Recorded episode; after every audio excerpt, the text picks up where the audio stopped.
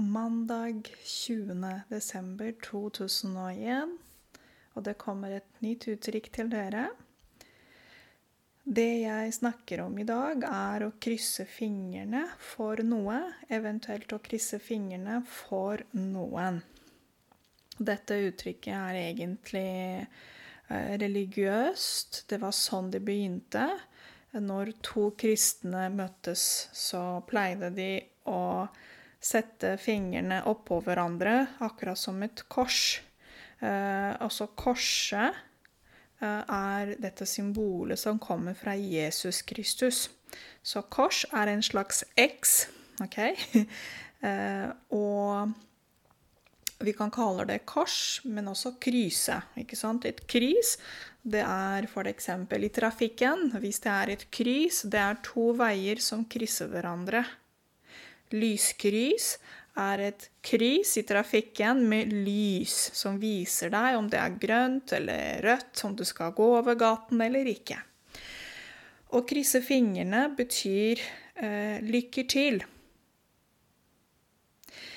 Eh, når sier man eh, 'lykke til'? Eh, man gjør det når man har eksamen, f.eks. Når man ønsker å uh, å, å oppnå noe.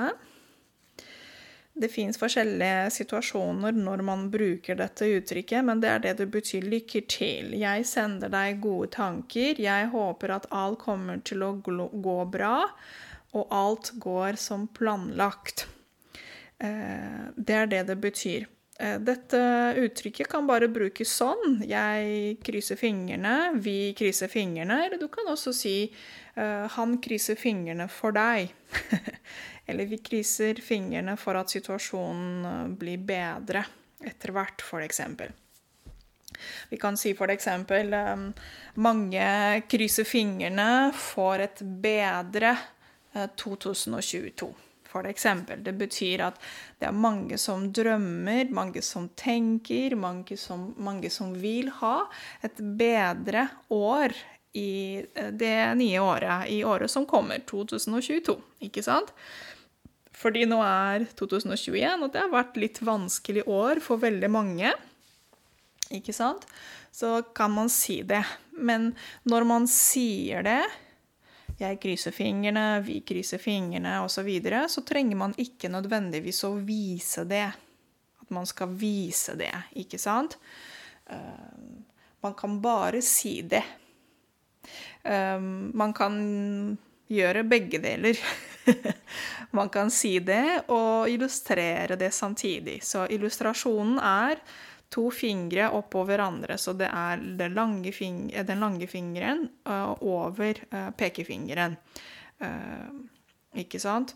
Det er de to fingrene som man bruker når man krysser fingrene. Det er nesten som et X når man krysser disse to fingrene.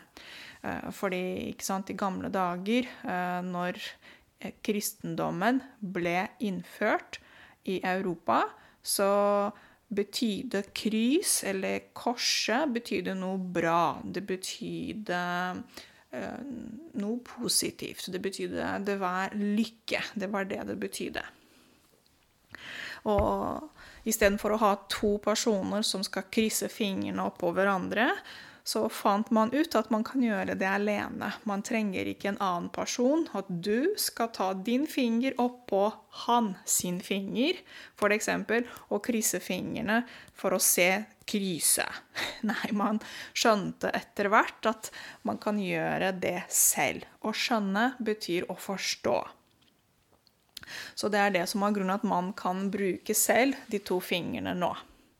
Eh, men som sagt, veldig ofte bruker man dette uttrykket uten å fysisk illustrere de to fingrene og vise det med de to fingrene, pekefinger og langefinger. Men dere, ikke gjør det i Vietnam. Hvis dere vil vise uh, dette uttrykket uh, og krysse fingrene, så gjør dette ikke fysisk i Vietnam, fordi Vietnam er ikke bra. Så pass på det. Fordi å krysse fingrene er det samme på engelsk også. Cross fingers. Det er det samme. Det er ikke så veldig vanskelig å forstå, ikke sant? Særlig hvis man forstår engelsk. Hvis man ikke forstår engelsk, så går det helt fint å, å bruke dette her på norsk også. Så som sagt, det er ulike situasjoner når man kan bruke dette uttrykket. F.eks. hvis din venn har eksamen på fredag, så kan du si f.eks.: uh, Jeg krysser fingrene for deg. Hva betyr det? Det betyr jeg har gode tanker til deg. Og jeg håper virkelig at alt kommer til å gå som planlagt. Ikke sant? At det blir bra at du får gode resultater, at det blir ikke vanskelig. Ikke sant? Så det viser, det viser vi ved å krysse fingrene. For eksempel, man kan si um, Kona mi har et intervju på mandag, og jeg kriser fingrene for at hun får jobben. Det er veldig viktig for henne. Så igjen, jeg tenker på det. Jeg sender gode vibes. Vibe, ikke sant? Vibrasjoner. Uh, gode tanker um, til kona mi, som har intervju på mandag. Jeg ønsker at hun har det bra, at hun får denne jobben som hun har drømt om i mange år, f.eks. Hvis vi snakker f.eks.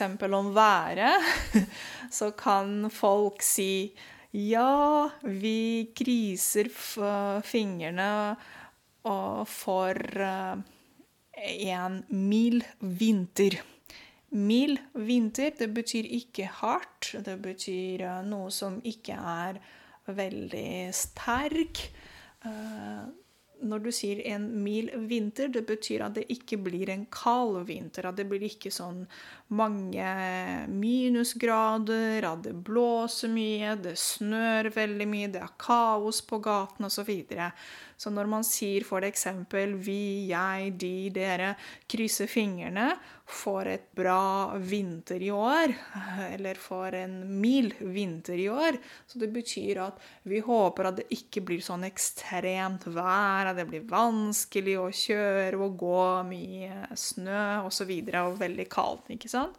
Så dette her kan brukes egentlig i mange, mange situasjoner når du eh, ønsker det beste til andre personer. Så her må vi ha minimum to personer, ikke sant?